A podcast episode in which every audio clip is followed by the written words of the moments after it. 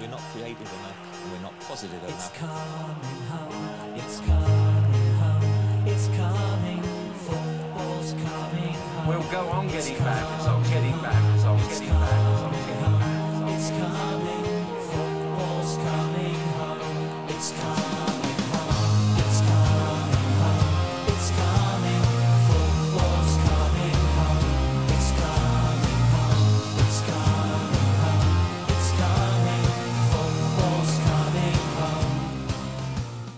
Everyone seems to know the score.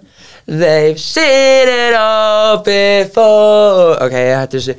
En gleðilega hvað sunnudag, guðsdag, góð fólks Þannig að ég vonið að við haft góða helgi svo far.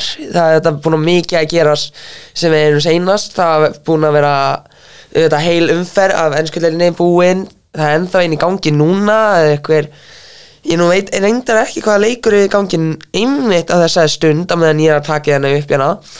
En ef ég skoða á því, við höfum hérna að PSG er að verða 1-0 á móti Le Havre í frönskaldeitinni þar sem Donnarumma fekk raukt spjald.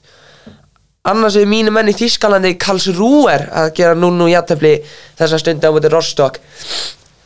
En drullum það, ég vil líka ósköldum gleðilegan desember Það er snjónin að koma, alla skreitingarna settar upp og það er núna hvað nýju daga þá gleði okkar góði stekkja svo þau kemur inn í húsin ykkar.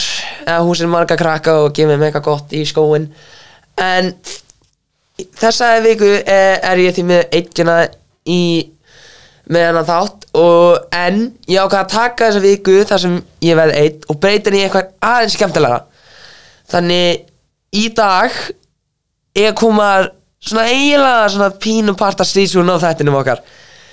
Uh, en hvað ég er búin að gera? Nýla ég er nú sko eins og það er svo mikið búin að gerast. Það var bakkalúti á í gær.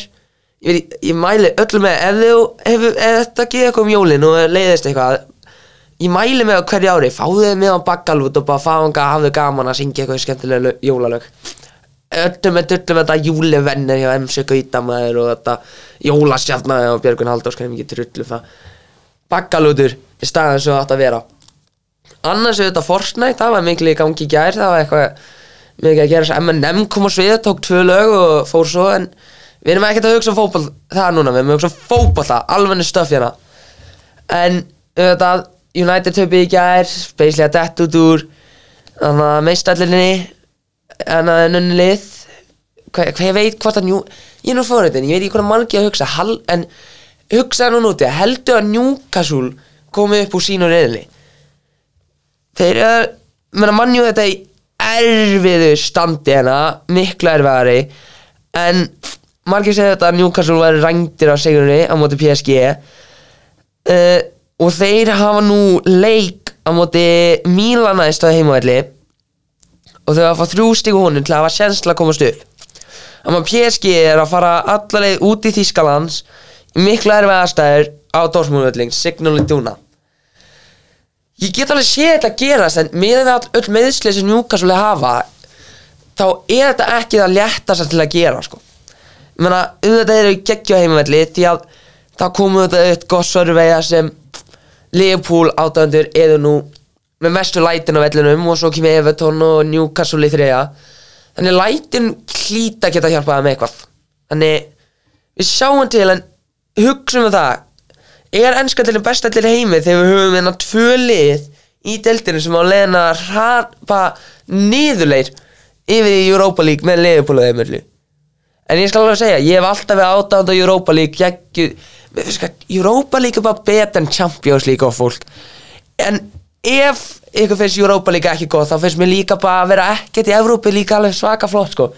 Ég er nú alltaf við átánd að því að bara bara að hugsa bara um dildina sko, það er svo leðalegt að þau frá hefðu Champions League eða eitthvað Europa League. Ég segi bara fókusum á það sem er í gangi heima, það er ekki?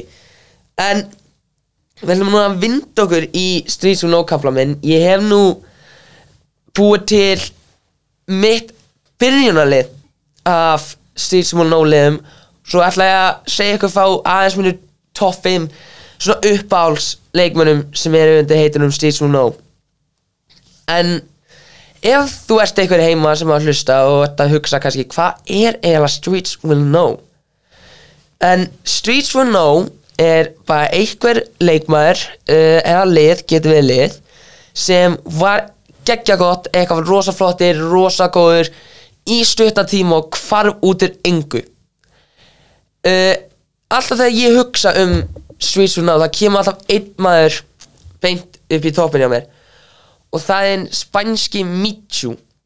Ég veit ekki hvort að fólk vita mikið hvað hann er en það, hann er eiginlega bara the meaning of Know við hann þetta hvað spilaði með Swansea átti þetta klikka tímabil þegar í seinasta tímabil hans Fergie skoraði hvað 19 mörg svo fó- hvað er hann bara hann var þarna svo seldi hann til Napoli og bara gerði ekki neitt þar. Vilfred Bóni var keiftur inn hann, hann bara tók yfir Michu svo ákveðu svo sem bara hefði vel maður hendur hún til Napoli.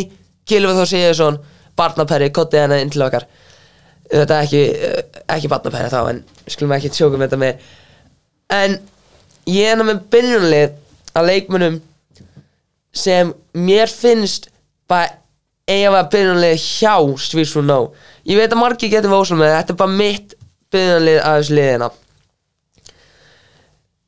ég nú átti það erfitt var að finna hverjir fyrst voru aftur að spila í hægri og vinstri baku ég er ekkert að fara að hendi eitthvað þrjá í vörn eitthvað bull. Ég ætla alveg að spila bak, ég ætla að spila góðan fótball hérna sko. ég ætla að hafa alla í góðum stöðum, ég ætla að hafa fulla vörn og allt erfiðast var að velja á milli tvo þjálfara til að hafa. Þú hefur þetta Harry Necknapp eða Sam Allardyce sem er tveir klikkaði þjálfarar sem eru bara ég myndi setja á í alveg top 5 eitthvað bestu ennsku þetta þjálfa alltaf tíma. En ég ákvað svo endanum að ekki velja þannig að Harry Redknapp eða Sam Allardyce. Ég að freka hendi bara átun og góðum mitt. Þegar ég fer og er að þjálfa yngri flokka fjölni og yngri kynnslóna ég hugsa að reyna að vera eins og þessi maður. Þannig þjálfaði liðsmýns er Neil Warnock. Ég veit að það hljóma skengilega Neil Warnock er algjör mesti kongur af manni sem ég mæli bara fólk, kíkið upp á Neil Warnock. Bara þið muni ekki ha, þið muni hafa besta tíma allar tíma. Ég meina ég veit ekki e, e, meina, það er þetta fræja klippan you gotta fucking die to get three points.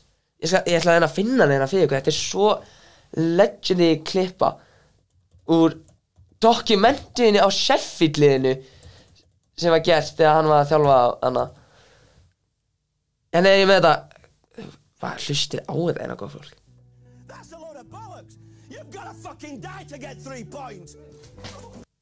Þetta er alvegni fokkið þjálfaði maður.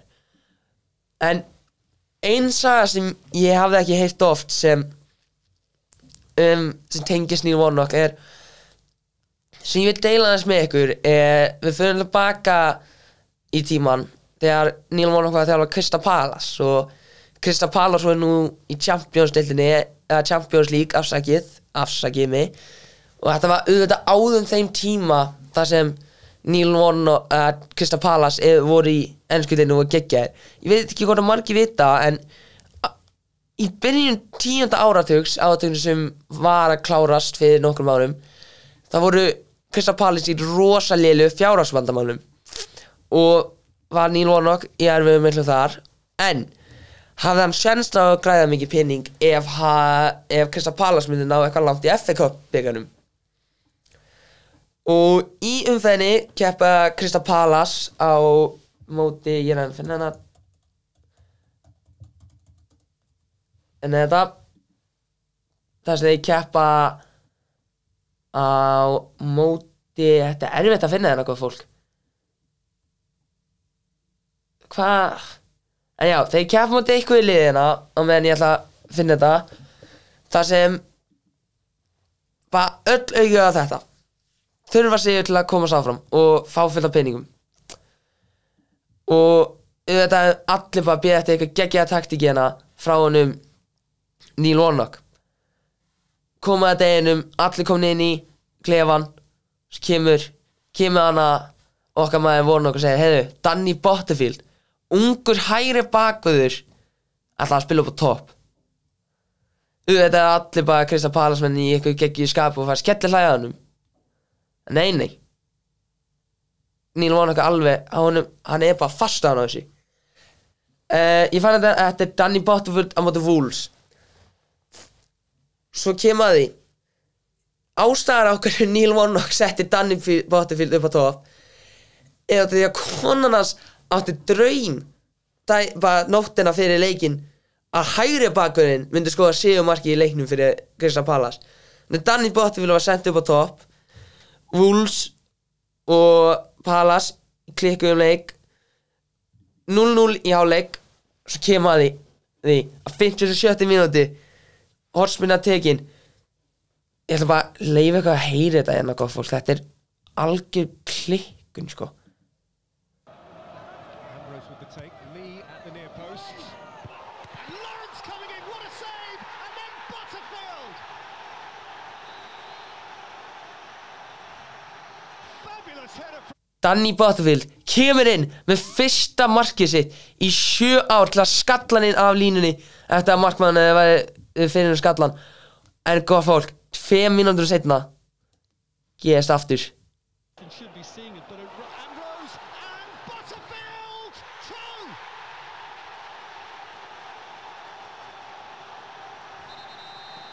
Butterfield hleypur inn pota bollan við neti þegar setna markið sem við hægri fætinum en góð fólk, við erum ekki eins og búin hérna því að svo aftur nokkuð mínútur setna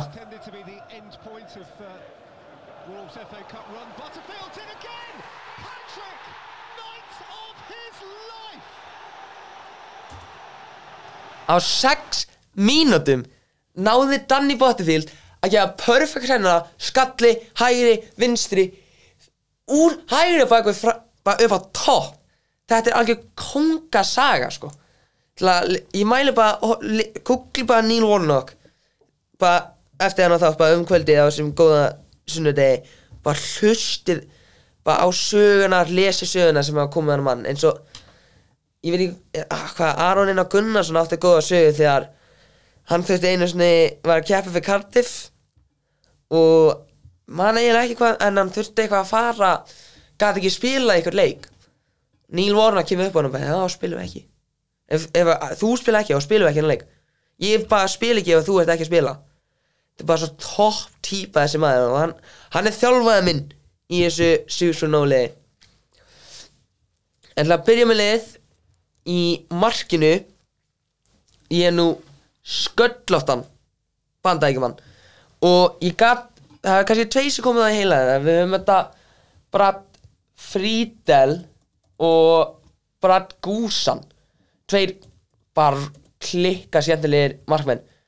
En þeir eru báðið á bekknum mínum ég gat ekki henda einhvern kana inn í þessa ennsku íþróttina. Staðinn í markinu hef ég hinn finnska klikkamann Jussi Jaskelainen. Því að ég veit ekki hvort að margir vita um hver þessi maður er en þetta er finnlensku markmaður sem var markmaður Bolton í gamla dag og bara ef þú myndir spyrja mig hvað er sem að skemmt þessu fótballið um alla tíma. Ég myndi hendi Bolton með Jaskalainen, Ivan Campo Fernando Hierro J.J. Okocha, Jakubu var þessu lið svo höfum við þetta Porsmárlið með Banjani við höfum hvað Herman var hana hverja er ég að gleyma hérna? Ég er að gleyma eitthvað geggjum mönnum. Sol Campbell var hana Steven Sonsi var hana ungur. Svo og ég myndi alveg ég myndi alveg henda Evertonliðið í dag Evertonliðið í dag er alveg miklu toppi á mér bara það sem Sean Dyche er búin að gera nýla þeir bara spila eitthvað svo klikka skemmtilega fótbolta. Nýju völlun á leiðinni en ég bara væri veikina ég skil, þeir kunna ekki að klára að færi sín. Ég bara fatta að það við hann United Everton leik bara djöfur geta Everton bara alls ekki klára færi sín í fótballa en minnum það, Jussi Jaskalainen klikkaða markmaður uh, eins og særi er hægri og vinstri bakvöðin pínu erfið fyrir mig. En ég ákvar að henda honum Glenn Johnson í hægri bakvöð þannig að fyrir um Chelsea og Liverpool bakvöðunum sem var alltaf góður þú varst að byrja, hvað, alltaf með tími í FIFA þetta var alltaf maður sem þú vildi hafa hana. Kostaði lítið, var með 90 pace það bara tóa varnamæður sem gaf saft í FIFA þegar þú ætla að byrja sko. Því allir byrjaðu þetta með bara eitthvað enska deila liða svo bara breytiðu kannski í eitthvað flott hybrid þar sem hefur eitthvað bara fimm deildir en allir franskir eitthvað. En Glenn Johnson, ég mun aldrei gleyma því að hafa hann í liðinu. Þetta er líka leikmann sem byrjaði í úrstættaleiknum mútið bæinn hjá Chelsea ef, ef þið munið eftir því. Þetta er fánar þessi úrstættleikur allar tíma góð fólk ef þið, hafið séð liðir sem Chelsea setti út í hann úrstættleik hvernig unnaði hennar leika hella ég meina, hvað, förum við bara bæðir byrjulegin segjum það, við höfum enna hvað getur maður að segja þetta, koma enna, bæinn setti út Manuel Neuer, Philip Lam Jerome Boateng Antonoli Himo, Timosjuk shit, það er þetta nafn og Diogo Contenta, holy shit, þetta er tjónir Bastian Schweinsteiger Toni Kroos, Arjen Robben Thomas Muller, Frank Ribery og Mario Gomez. Þetta er öll löpt sem þið eiginlega þekki fyrir utan Diego Contento og Antoni Timosjuk það sem ég bara mæli með að horfa sko. Að bara fræða eitthvað aðeins um Timosjuk og Contento. Þetta eru tveir rosa skemmtilegi skrýnni leikmennina. En meðan Chelsea en fyrir auðvitað þá þetta við höfum Muller, Mario Gomez, Ribery, Robben, Sveinstækja, Krús Boateng, Lam, Neuer. All leikmenn sem bara hafa við litna á bara sem eitt af bestu leikmennum bara okkar áratuga. Og maður Chelsea línir upp með þetta Peter Cech í markinu Jose Bosingwa David Luiz Gary Cole, Cahill, afsakið Ashley Cole, John Obi Mikkel Lampard, Mata Kalou, Bertrand og Tidir Drogba. Þetta er klikkað þessi lið og þeir unnið þetta bara.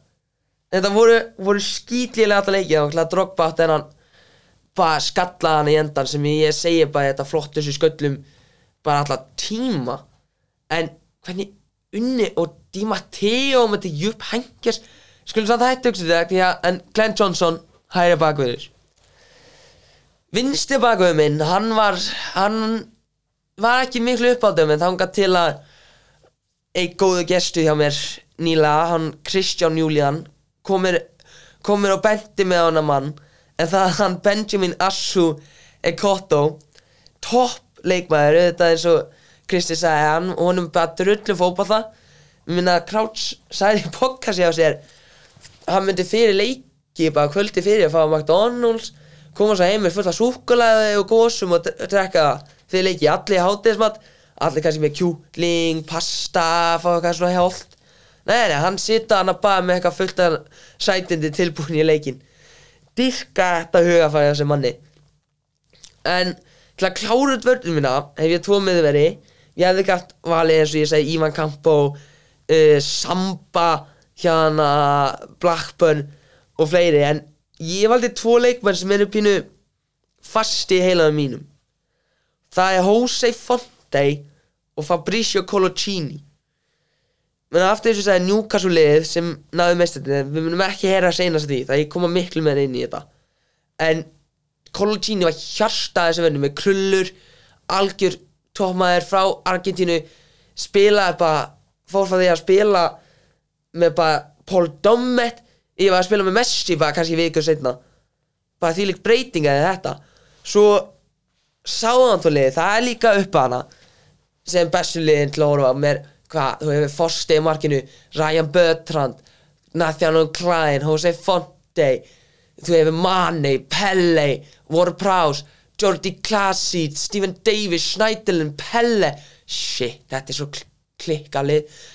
En Jose Fonte er þetta ennþá að spila í dag minnir í þannig að seinast sem ég vissi var hann að spila fyrir Lille í þannig að frönskjöldinni en hann er núna fæðin aftur til Portugals í Braga þannig að hann er alveg ennþá að spila í meistællinu og allt það.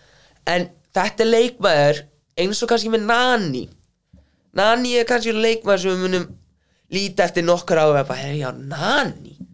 Tjöld var hann skemmtilegu leikmaður. En Jose Fonte er þannig á mig líka sko. Þetta er ekki varnamaður sem margir munu, munu muna eftir þetta er leikmaður sem bara í þessu liði og bara hjá Lil því líka er skemmtilegt að horfa á hann. Klikkaður, stóri varnamenn dýrskita, þannig vörn, þetta klára vörnum minna ég held að miðjan sem ég valdi gata ekki verið betri sko. Ég, ég er að spila klassísku fjórir í vörn, tveir á miðju þrýr og ja, fjórir, tveir, þrýr, einn. Svo þetta er kallaði FIFA. Ég hef hinn bara Aron Gunnarsson eiginlega sko, ég hef Rory Delap og JJ Okocha ég fyrir aðeins betin í Okocha eftir en Okocha er alltaf mest bara flotta sér skillful leikmaði eftir Ronaldinho alltaf tíma.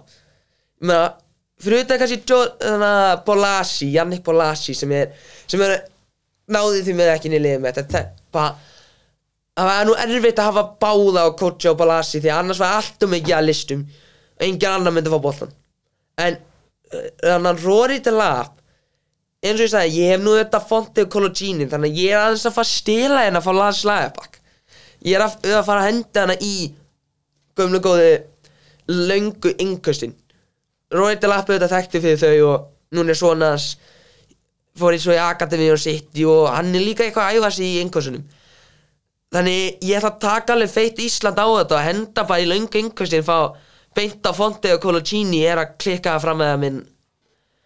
Þannig ég er bara ég er að búa til taktíslega hliðina. Fyrir utan það er Rory Lellap skýta leikmaður sko. Ég veit ekki hvernig mann ekki hafa séð hann en hann er skýta leikmaður ég er bara aðna fyrir yngvestin, takk fyrir. Annars hef ég með þeim á miðinni til að spila framalega hef ég hann Michu eins og ég sagði hann 19 mörg Ma, ég nú hafði þetta ég veit ekki hvernig margir höfðu líka sömu hugmynd en ég ætla að var alltaf frammeri en hann nú var sóknalegur þannig að miðjumæður eða svo center forward fóls nýja hjá svonsýliðinni sem blómstraði á þessi tímabili og hvarf allir einu og hætti 32 ára gamall í fótbollanum, hætti bara sagt svo hver veit hvað hann að gera núna en hann er ég að fá að henda í svona 20 mörg tímabil annars á köntunum þetta gæti við tvei bestu leikmenn bara svísun á alltaf tíma. Við höfum Hatem Ben Arfa á vinstri kantinum sem er pínu skrítið, ég veit að hann spila líka á hægri og allt og en þú getur bara ekki haft þennan mann ekki liðinu hana með þessum öllum. Hatem Ben Arfa er með þessi kongur Newcastle alltaf tíma. Þetta er bara eins og ég segi með þetta Newcastle lið með hvað Alan Pardew sem þjálfaði náði topp fjórum yfir yfir hvað mörgum ég ætla að finna það hérna. Newcastle. Æ, núna er ég að fá eitthvað með leikin í gerð ég bara ég vil ekki sjá þennan leik gamla leik, getur við please farið út þessu? Al en þetta Alan Pardew taktís masterclass með mann, ég að horfa á þetta. Mæl, ég ætla að horfa á þetta. Saxi, ég kemur einhver fólk. Alan Pardew masterclass. Tjöl, er ég að elski þetta. Eh, Shit, sjá þetta lið bara. Og í bara þess að Dembaba og Sissei Þeir eru á bekknum. Þeir eru á bekknum að mér Því mér náðu ekki að koma inn í lið. Djöfull Er þetta skemmtilegt lið? Eins og ég sagði, Colocini, check, Diote. En Ben Arfa listamæðin í lið. Ekki þess að hefði getað gæst jafnvel án Ben Arfa að mínum að því sko. Uh, en ég hef á hægri kantinum hef, við hinn flottamann hjá að QPR bara maður sem á heitið Streets Will Know. Það er mikil kongur Adel Tarab þessi leikmaður var endilega.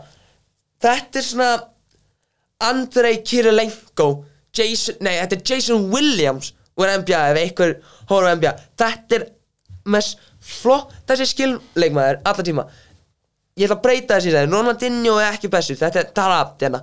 á sínum tíma þegar hann var á toppi heiminsins Adel Tarab er bara mest flottast leikmaður á boltanum á sínu tíma bara googla á YouTube núna Adel Tarab goal, kills and highlights. Bara Sweet for No minn bara horfa á þetta því munu takki pop. Pop og góðas seti bara og horfi þetta eitthvað 11 mínúta myndband og njóti ykkar. En frammeiri minn til að klára sem var öll erfiðast til að verja því að þú hefur skal bara fara vil við höfum þetta Demba Ba Papi Sisei við höfum Petersen hjá Blackburn norski klikkaði frammeirinn við höfum Jakubu við höfum Nico Krankari þetta hendur hún þannig. Amir Saki hana þetta er því líka menn bara.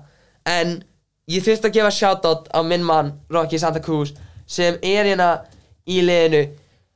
Toppun, maðurinn frá Peru flottast maðurinn alla tíma dýrkana mann, hann er að henda sér inn hérna, góð fólk hann ætla að kláða öllu færi. Og ég ætla að segja ég held að þetta lið vinnum deildina með bara hundar stíðum hérna. Bang bang bosh.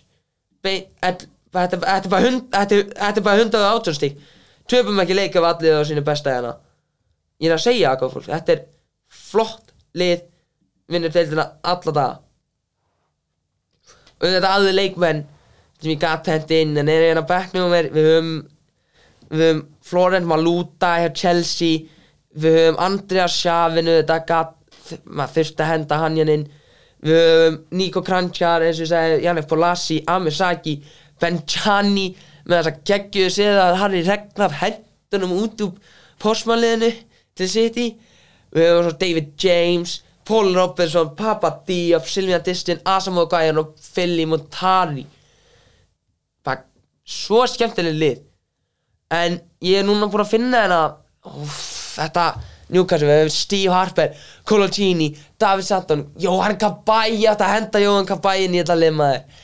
Papi Sissay, Danny Simpson í þessu lið langt, Dan Gosling hérna Ryan Taylor hérna, Sami Amiobi Tim Krul, Jack Diote Leon Best þetta er bara djur, er gaman að sjá svona gömur lið eins og Newcastle hérna bara sér nöfn sem eru hérna eins og Alan Smith var í þessu liði sendt út á Lánsvo og þetta Paul Dommett konguðin hjá Newcastle búin að hérna alltaf lengi. En á meðan ég er að sjá hérna getur, ef þú skoðar þannig að geggju Wikipedia síðan hjá þessu Newcastle liði frá 2011 til 2012 við höfum bara lista af events hérna.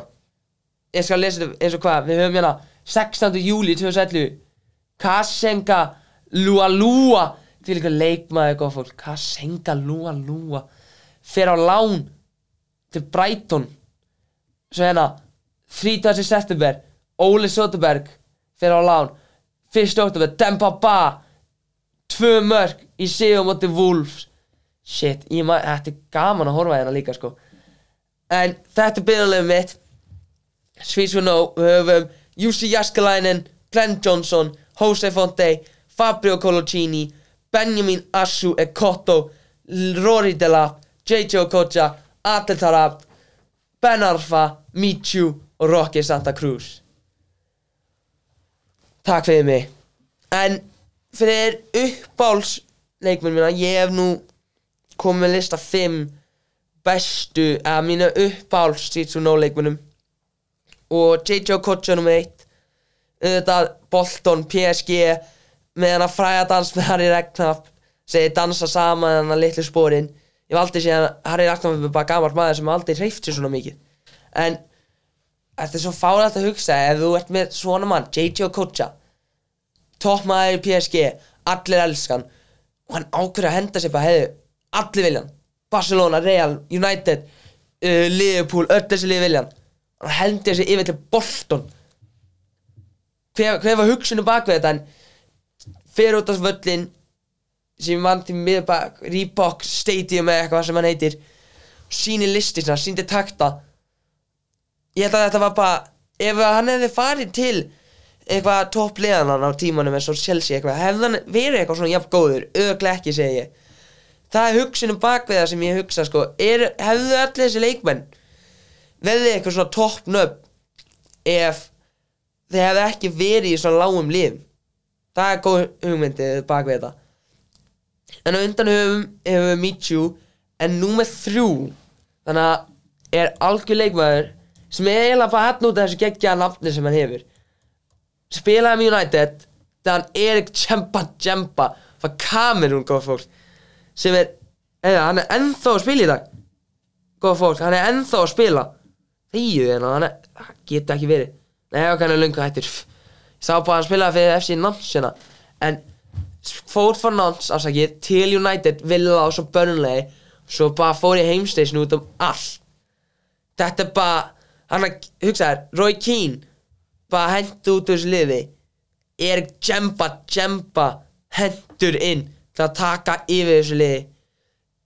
En Erik Djemba Djemba bara skemmti það svona skýta fokkin leikmaður geta ekki gert neitt bara aggressífur eins og Roy Keane en alltaf mittur og alltaf lélugur ég er bara dýrkar að mann svo mikið. Bara, þetta er flotta sem maður allar tíman með 0 mörg fyrir United en eitt af uppáskaupum mun allar tíma sem bara Ferguson hefur gert. En númer 2 á listanum hef ég tala haft en númer 1 er þetta Rocky Santa Cruz. Ef, þið hlustu á spurningakeppina Rocky Santa Cruz er þetta númer 1 og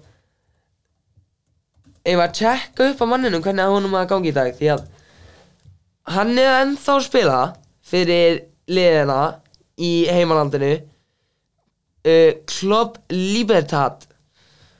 Skulum, við þurfum að tjekka þessi hérna. Club Libertad. Kannski, er hann eitthvað þjálfur eða? Ég er með, þegar Club Libertad. Hérna er ég með þetta. Í fyrsta sæti í deildinni sinni. Tjör, eru ekki að góða hluti? Ef við skoðum hérna liðið okkar maður þetta hérna númer 24 hann Rocky Santa Cruz. Ef var ég er nú fórhundin, hversu mörg hefur hann skorað hann í fyrra?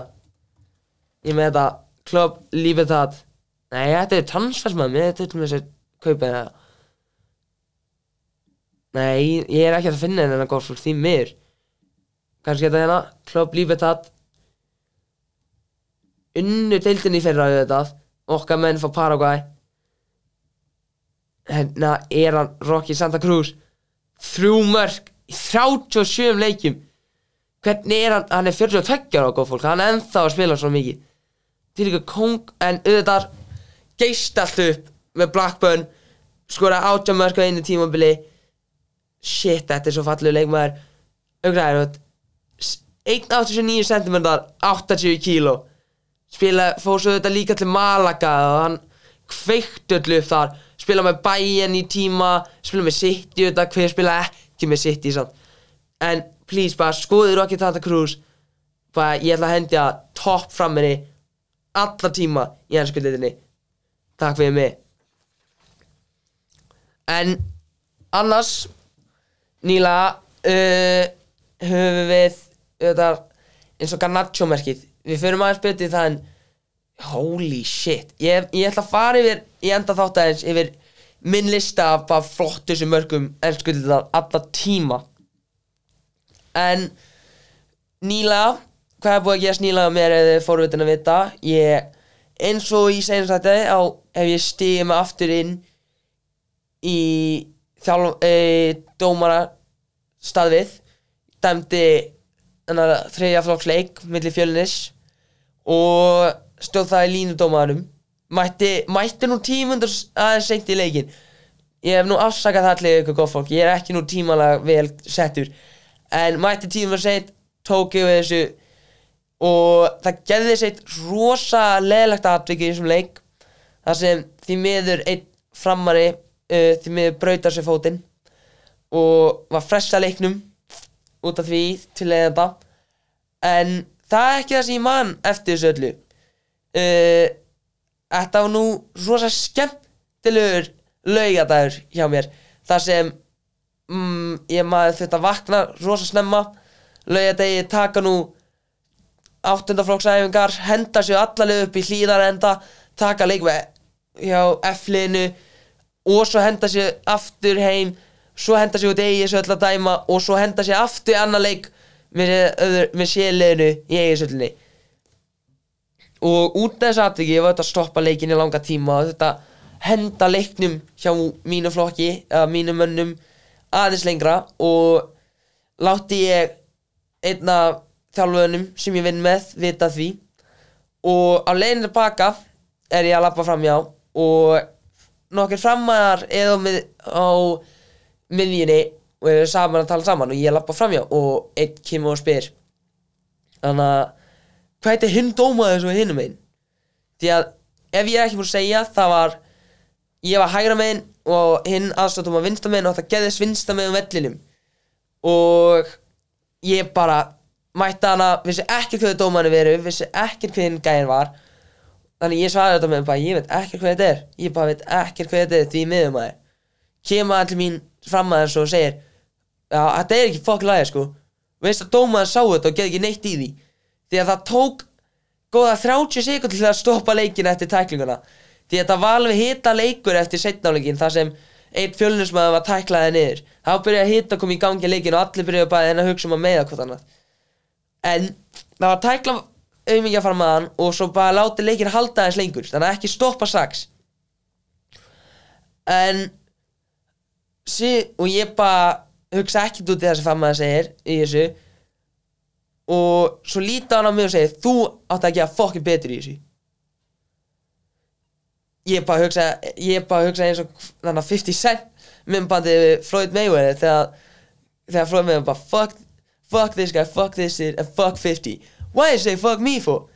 Ég bara tók það alveg feitt á mig sko. Því að ef þú ert dómari hugsaði þú ert að dæma á það tækling lengst sem vinstra megin lengst frá þér, lengst hinum enn á vellinum hvað getur þú gert eða þú séð bara tæklingu og ég sá baki á framannum þannig ég sá ekki neitt af þessa tæklingu mikið vel. Hvað get ég gert eða ég var bara, ég var bara að hugsa á boltan ég sá ekkert hversu lengi hann var liggjandi allir innu en svo svara en ég svara allir baka með bara hvað hvað ætti ég að gera, ég var allavega hinum minn framæðinu og þar stóð hafðu og nettur og meðan ég lappi í burtu frá hann segi bara já lappa lappaði hann, haldt áfram að lappa ég bara geði óskið hans. En hann heldur áfram að rífa kjærfið mig en þetta er bara skemmtilega saga sko og, en já hann hefur bara verið pyrrað út í mig þar sem þeir voru að tapa 2-0 og endur með að tapa hann leik en ég bara sendi alla mínu bestu hverju til fram hans sem heitir og ætla að gefa eins og klaffi hversu fljót bara landsspítalar að sjúkrafólkir og löggan var á svæðið þannig ég ætla að gefa eins og klaffi því.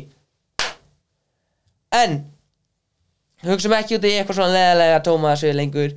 Uh, því að ég er nú búin að eins og ég sagði með þjálfaði heiminn er búin að hita hann upp. Svo tvei leikir í þessari viku hef ég verið tekið bótið fram hana og svo hérna í gær í vesturbænum átti KR en það báði með sigurum fyrir mínum mönnum. Þannig ég myndi segja að við erum bara með up and coming bara næst stóra þjálfur, næst Arna Gunnlaugsson á svæðinu hérna, takk fyrir mig.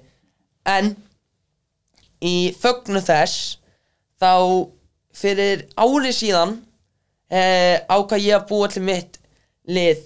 Þegar fólk auðvitað spyði ef þú myndir búa til besta fótballalið bara 11 manna lið alla tíma, hvernig myndi það líti út? Þannig ég ákvaði að hugsa þetta og bjóð til minn, mitt lið. Og ég ætla nú að deila því með ykkur fólki og ég ætla að deila taktíkinni sem ég ætla að spila út uh, ég er að spila okkar klassíska 4-4-2 skal segja það strax ég er að hendi the classic. En í liðinu í markinu hef ég Íka Casillas sem ég myndi segja besti markmaður alltaf tíma. Ég nærru hendi í þannig að hvað fl- fléttu eða hvað sem það heitir þannig að bara úr þessum Arsenal leik það tímabil Mourinho en það er þetta pínu svindlæðina en Íka Casillas floppa eins og ég sagði ég held að ég myndi segja þetta besti markmaður alltaf tíma. Bara vörslunar sem þessi maður hefur gert yfir sem fyrir er klikkað. Þannig en í vördinni fyrir framan hann hef ég tvo menn einn til að stýra liðinu aðeins sem svo var að fyrir lið og hinn maður sem myndi gera hvað sem er blæða fyrir blóðsvít og tár fyrir þessum mönnum. Ég hef Nemanja Vidic og Paolo Maldini og ég veit að margir er þetta því um hverja besti varnamæði að miðvöður ennskutið þetta tíma eins og margir þetta segja hann uh, Van Dijk. En ég er fast að þetta er Nemanja Vidic ég er nú það samt bara að vona sko að hitt liðið á móti með hendir ekki Fernandos Torres upp á topp. En það ætti enginn að hafa Fernando Torres upp á topp í sínu liði. Þannig ég verð tvo mennina tilbúin að setja blóð, svit og tár fyrir mitt lið. Paolo Maldini og Nemanja Vidic og á hægri kantinum hægri og vinstri bakvöð er ég að svindla aðeins með tvo Real Madrid menn. Ég hef hann Sergio Ramos hægra megin og Marcelo vinstra megin. Og ég er alveg pínu svindli hérna en ég skal útskýra það betur eftir. Þar sem á miðjunu samt ég hef Roy Keane og Ruud Hullit kantmenni mínir vinstra megin eða Ronaldo Cristiano og hægra megin er Jisung Park. Frammi er það svo Messi og aðeins sem bakkar aðeins niður svona fórsnýja og frammi Wayne Rooney. Ef þú hugsa út í lið Casillas er annað bóta ég, paf, eins og segi, minn besti markmann alltaf tíma. Við höfum Vidic og Maldini fyrir framann þarna í vörninni bara allir að setja blóðsveit og tár. Marcelo er eiginlega bara út af því að hann er þetta flinkur vinstri bakverður, flottu hana. En Ronaldo þarf Marcelo til að vera að gefa gott þessu lið Ronaldo getur ekki spilað svona mikið vel í vinstrikantinum án Marcelo til að hafa hann til varnar og peppa hann upp og kissa fætun hans og allt það. Og ef ég myndi velja einhver Ronaldo myndi ég elska að fá hann að núðlu á Ronaldo. Og bara sama Marcelo á þeim tíma og þeir munu lístra upp þessi vinstri kant. En Sergio Ramos er hann að báta því að sko ég sko er ekki fyrir að segja að henda í það sko Sergio Ramos er að mínum að þið besti varnamæði alltaf tíma. En það er alltaf mikið að því ég er bara alltaf recency bias á mér hérna sko bara yfir þessu. En hann er þetta að spila sem hægri bakverður fyrir Sevilla sem hann þetta núna spila líka fyrir í dag. En hann er annar bara alltaf út af Marcelo meira sóknala alltaf aðeins Ramos að bakka niður og sjáum það. Miðjuri hef ég bara tvo Roy Keane til að skjóta þessu liði, tækla leikmenn vara í tæklinga, vinna alla bolta. Og ef ég þarf eitthvað til að öska þessu menn þið bara hafi ekki stjórna með þá hef ég Roy Keane hérna til að baka mig upp vonandi nema hann auðvitað er ekki sáttu með mig þá bara passa ég með á honum. Og Hullit er hann sem bara því að ég myndi segja að bara uppás lið mitt alla tíma úr gamla daga er gamla hollandska lið með Ruud Hullit, uh, Jan Voiters Frank Rijkaard Van Basten hver annar var hana og hæ, ég gleymdi markmannin markmannin er eitthvað markmannin er með þetta með topp nafn, hérna, ég er að finna hérna. Holland 1988 Úff, þessi trey, eða, ég á treyjuna líka að fá þetta, ég elska þetta að lesa mikið. En að va, að vann eitthvað? Vann, bró, ve, ve, ve, vann Bróikelen og Ronald Koeman. Shit, ég er bara að mæli með góð fólk, skoða þetta lið þetta er mínum að þetta er best, bara topplið alltaf tíma. Og Ruud Hullet er hann bara alltaf sjórnum liðinu þar sem hann er þetta hann er bara upp á leikmaður minn úr þessu öllu liði. Og hann, hann getur spilað alla stöður. Getur spilað miðver, getur spilað frammi getur spilað kanti, getur spilað miði hann er alltaf bara samt á meðan tíminn líður. Uh, Ronaldo veð, þú veði eiginlega að hafa Ronaldo og Messi í þessu liði finnst mér. Ef þú hefur ekki Ronaldo og Messi í þessu liði þá ertu eitthvað klikkað í heilanum? Nemo hefur kannski Pelle og Maradona í staðin eitthvað en þú fæði ekki betri kantmann úr þessu liði.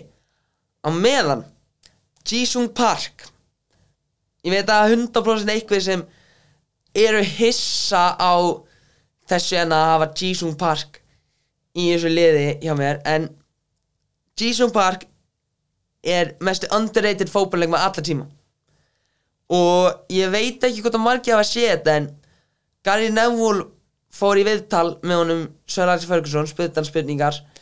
Og spurt hann út í þannig úrstæðarleik Barcelona og United þegar Messi held ég að átt þetta skrýna skallamark á móti Van der Sar.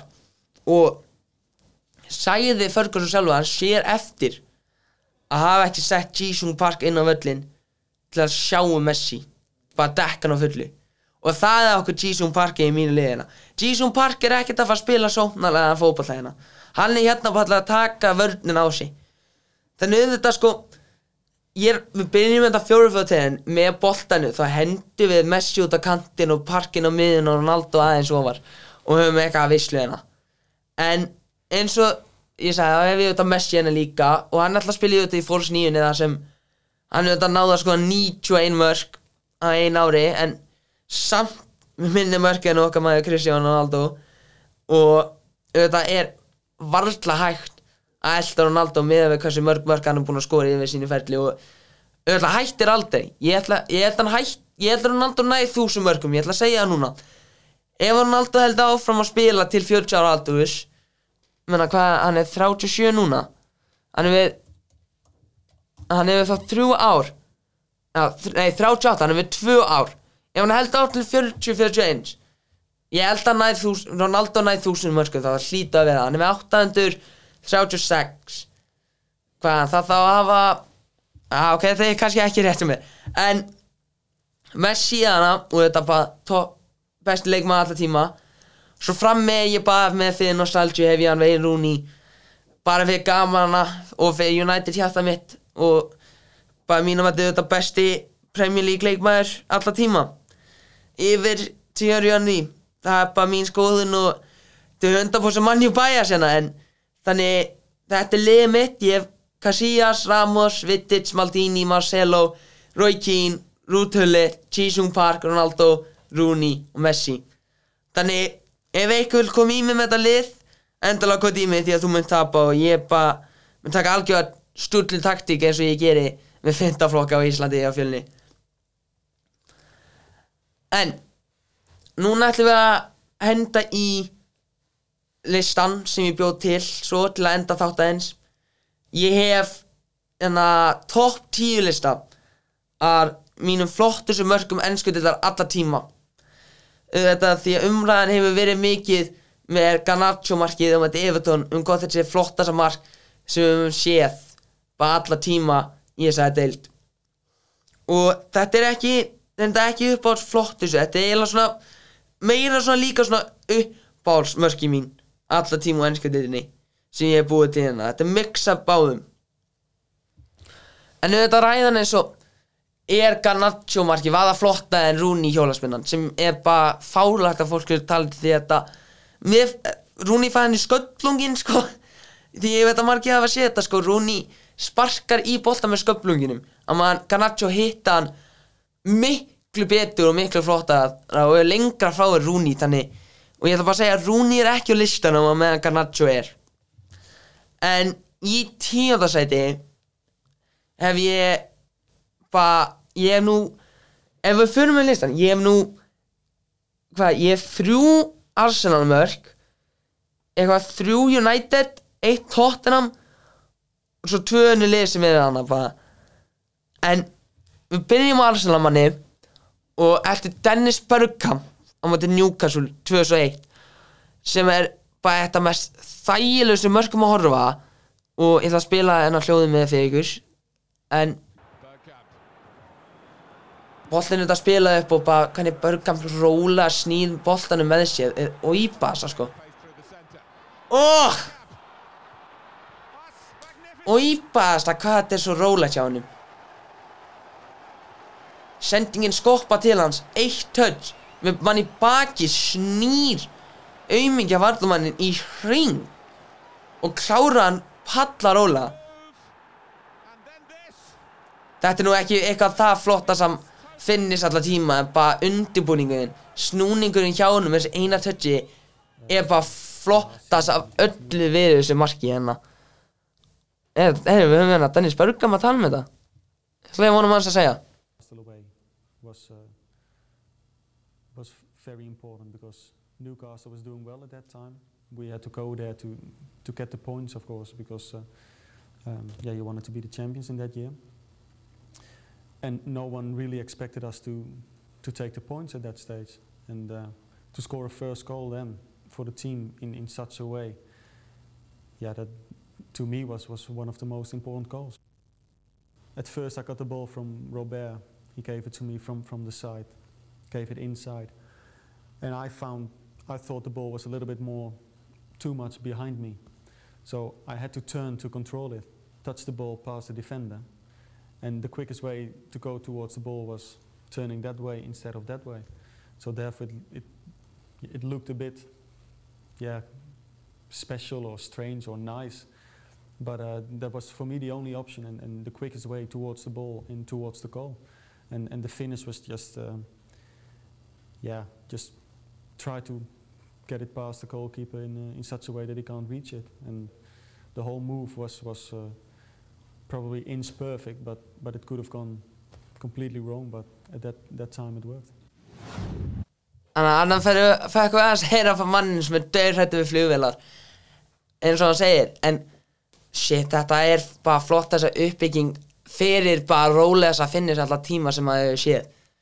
En í nýjöndasæti hef ég mark sem var skorað á móti Arsenal þar sem ég hef uh, Danny Rose markið á móti Arsenal. Ég veit ekki hvort að markið ég hef allir þekkið þetta myndband en Danny Rose, ungur aldeðana, kemur og spila sin fyrsta leik fyrir Arsenal og er að fá svona að fá fyrstu mínúti allar tíma og þetta kemur hann á hospina og er bara markmaðin lema hann út, beint út á Danny Rose sem bara býr til þessa listjana marki.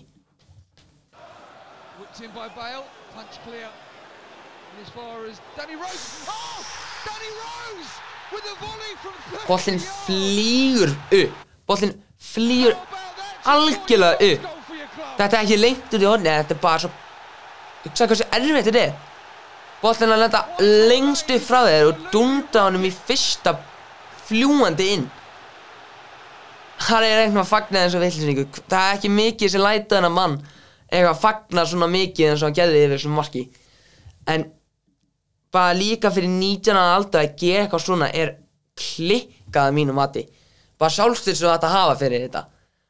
En þetta markið er nýjöndarsæti á mér og er simla mark en fer þetta mark yfir þetta út af þetta fyrir tjóðni þetta er Paul Scholes á móti Villa en sem er næst besta mark Paul Scholes allar tíma eftir Barcelona markið sem er bara klikkun af marki sem bara þú hefur séð sko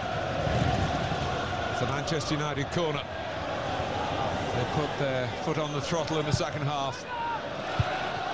Headed out by McCann. að horfa þetta mark aftur er og ég bara sko, þetta er svo flott.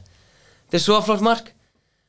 Fyrsta bang dunda hann um lengst hana en und, undan þessu hef ég svo annað mark sem United maður sko þetta er Van Persie markið sem hann skoraði til að vinna deildina móti Villa. Og það er alveg pínu nostalgia spilinjana en sendingi frá Rooney lengst í bustu touchið bara í fyrsta Van Persie ég hef þetta hérna Úff bara alltaf að vinna deildina á þessum marki sko. Ég er bara, þetta er að fáu leikum sem krakki sem ég horfði á. Og ég bara man eftir þessu marki. Og bara minningarna sem ég fæði að sjá þetta bara hugsaði mig gamlu, gömlu góðu messuna með gumma og hefur var hallega á því. Oh. Þetta er bara svo flott mark. Rólega hitti þetta og clean maður verði ég að segja. En í sjötta seti þá hef ég ég nú er tvö, tvö alstanamörk sem er eitthvað bara eitthvað algjör bara skemmtilegt að horfa hérna góð fólk.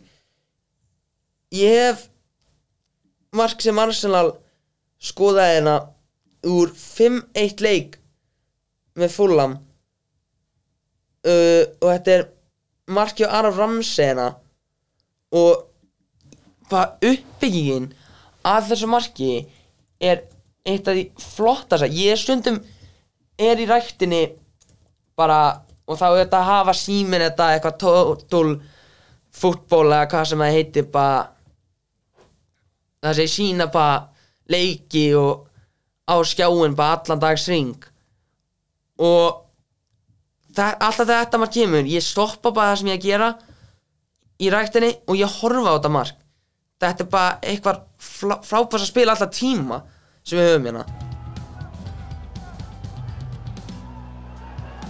Bayering, bit fancy. It's come off. Ramsey with the header. Mikitari, good ball that Aubameyang. Ramsey's there! Wonderful!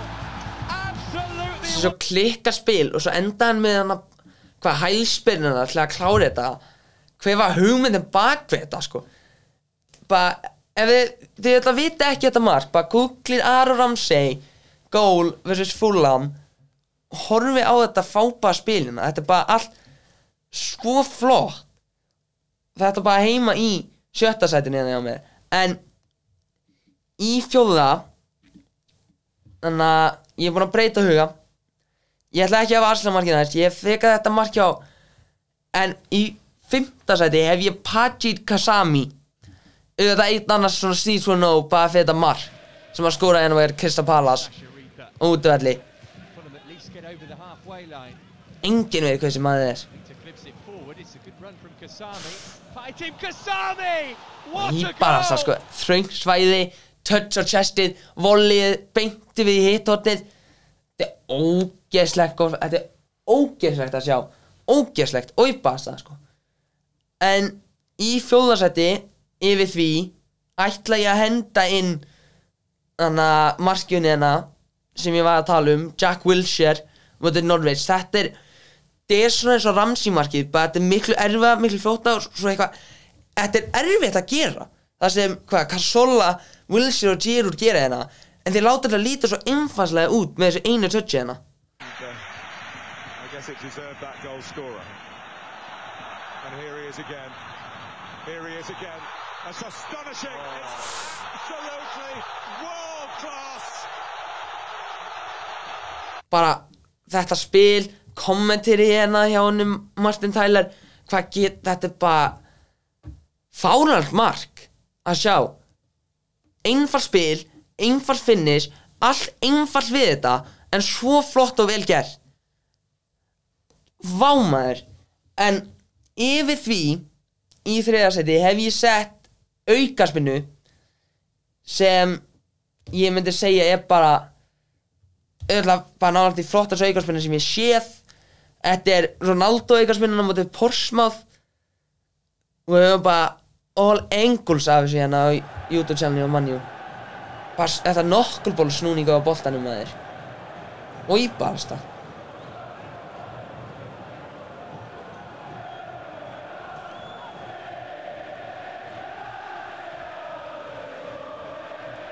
Chapoli var giving a ball.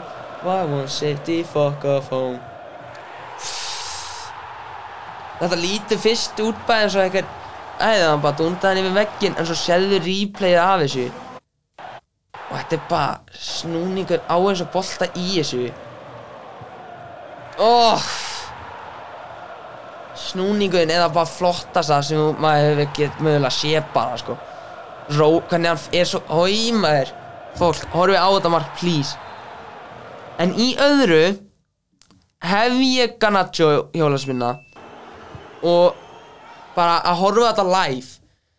Ég stessa eina leik var að búast við alveg tapi ég var ekkert að móti en ég var sem mest að búast við 1-0 og Rashford mark þar sem ég hafði sagt við marga að auðvitað fyrsti leikurinn sem Rashford að Luke Shaw kemur tilbaka mun Rashford skoða sem ég hafði rétt við mér. Og þótt þetta var víti á hef ég við mér. En sjá þetta live. Ég öskraði en mamma mín var steinsofandi og pappi minn bara Shhh, mamma mín er sofandi hérna. Og maður hann gaf bara eitthvað rólegast að what the fuck? Alla tíma. En þetta er svo bara hvernig hugunum fyrir aðeins hérna? Ég elska hvernig allir er að tala eitthvað meiða upp með markið með að segja svo sendingi fór Lindelof. Þetta er þetta geggjur sendingi á Lindelof upp á Rashford en skulum ekki hæpa þetta eitthvað, eitthvað það meira?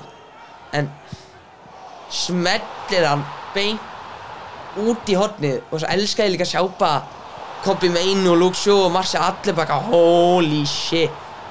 Og svo þetta Artur og Vidal sem komu þetta eftir leikinu og sagði Garnacho eiginlega þetta með að taka sú fagnir þeim bara fáralegsta Ronaldo hattur ég sé heitt í lífinu mínu. En númer eitt ætla ég að finna hérna fyrir ykkur. Það, sem, það er rosa erfitt að finna þetta mark. En þetta er mínum að þið flottast mark alltíma með og þetta er auðvitað snýrsfólnómaður þetta er Papi Cisse og hún er Chelsea. Sama tíumbulunni Champions League 2011-2012 hvað og hvað þetta er 1-0 Newcastle og bara í alveg fólk horfið á þetta mark. Þetta er flottast mark ég hef séð þetta er alveg pínu svindla sem bollin skoppar en þetta er alvegnu snúningur á fótballa bara holy shit. Cisse. oh my god hvernig er þetta svo lítið fögnuð á þessu velli fyrir þessu marki? það bara lítið úr svo enginn að fagna. Allir bara æ, uh, hvað er þetta? Bara mark. Alveg, bara á þetta mark en auðvitað með endilega í Q&A tappinu á hérna á Spotify með endilega að láta vita hvað ykkur finnst um listan, um liðið mitt eða Sweet Will Know bara sjá, endilega deila með mér bara hvað ykkur finnst við að flotta sem mark ennsku til þetta tíma. En ég ætla að þakka fyrir mig og bara þakk, takk fyrir að hlusta á þátt þótt að ég er aðleit og mun ég reyna að vinna betur í því að fá fleiri gesti einhvern tímann en annars ætla ég að þakka ykkur öllum fyrir að hlusta bara þakka ykkur kærlega fyrir að bara hlusta á bara pokast yfir höfuð. Ef, og ef þið höfðum á Spotify í ár bara endilega takk fyrir. Ég er bara ég er búin að ég er með stað, ég er með þetta hérna uh, fótó mynd af þessu. Við höfum 118 sem hafa mig í top 10 87 sem hafa mig í top 5 svo 20 í top 1 þannig ég vil þakka ykkur öllum bara ef þið hafið mig á Spotify rap og ef þið deildið með mér bara takk fyrir það. Ég bara er þakkláttur fyrir að þið eru að hlusta mig bladra hérna í klukkutíma hvort ég er einn eða með ykkur. Þannig takk fyrir bara fyrir að hlusta þættina hjá mér. Og ég bara óska ykkur að besta og bara heyrumst í næstu viku. Takk fyrir mig